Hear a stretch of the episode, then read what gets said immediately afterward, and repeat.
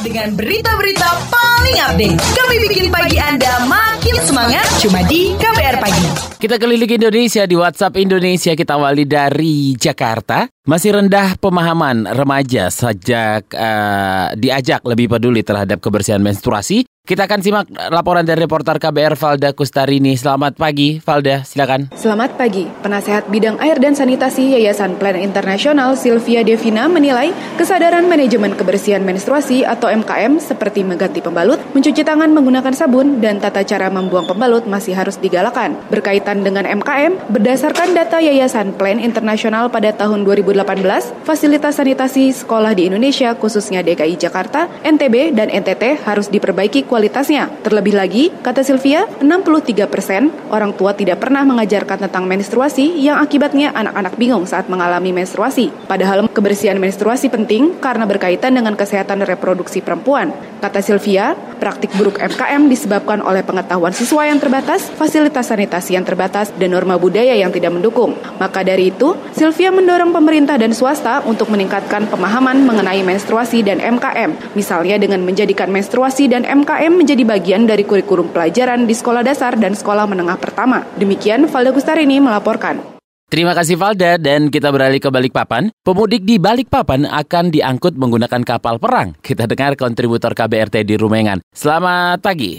Iya, selamat pagi. Kementerian Perhubungan telah berkoordinasi dengan Mabes TNI Angkatan Laut akan mengangkut arus mudik dari kota Balikpapan menggunakan kapal perang KRI Surabaya dengan kapasitas 1000 penumpang. Komandan Pangkalan TNI Angkatan Laut Balikpapan Wahyu Cahyono mengatakan Balikpapan dipilih karena jumlah arus mudik tahun ini meningkat karena banyaknya penumpang pesawat yang beralih ke kapal laut karena tiket pesawat yang cukup tinggi. Rencana kapal perang KRI Surabaya akan tiba di Pelabuhan Semayang Balikpapan pada 30 Mei atau paling lambat 1 Juni pagi. Kemudian malam harinya sekitar pukul 20 Wita akan mengangkut arus mudik menuju Surabaya. Sementara hingga kini sudah sekitar 5.000 warga Kalimantan Timur yang menuju Surabaya maupun Makassar yang menggunakan kapal laut. Demikian Teddy Rumungan melaporkan dari Balikpapan. Terima kasih Teddy. Terakhir kita menuju Bandung, Polda Jabar akui kekurangan tenaga medis pada mudik lebaran 2019.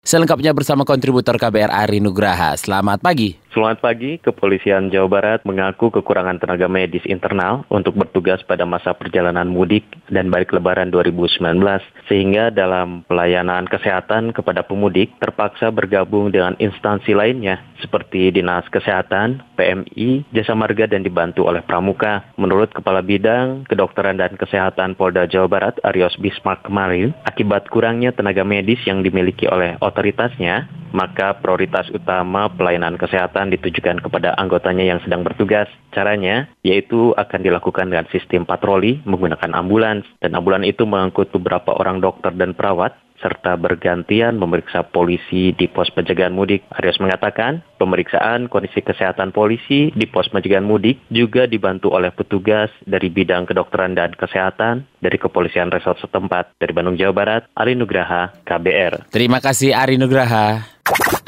KBR, inspiratif, terpercaya.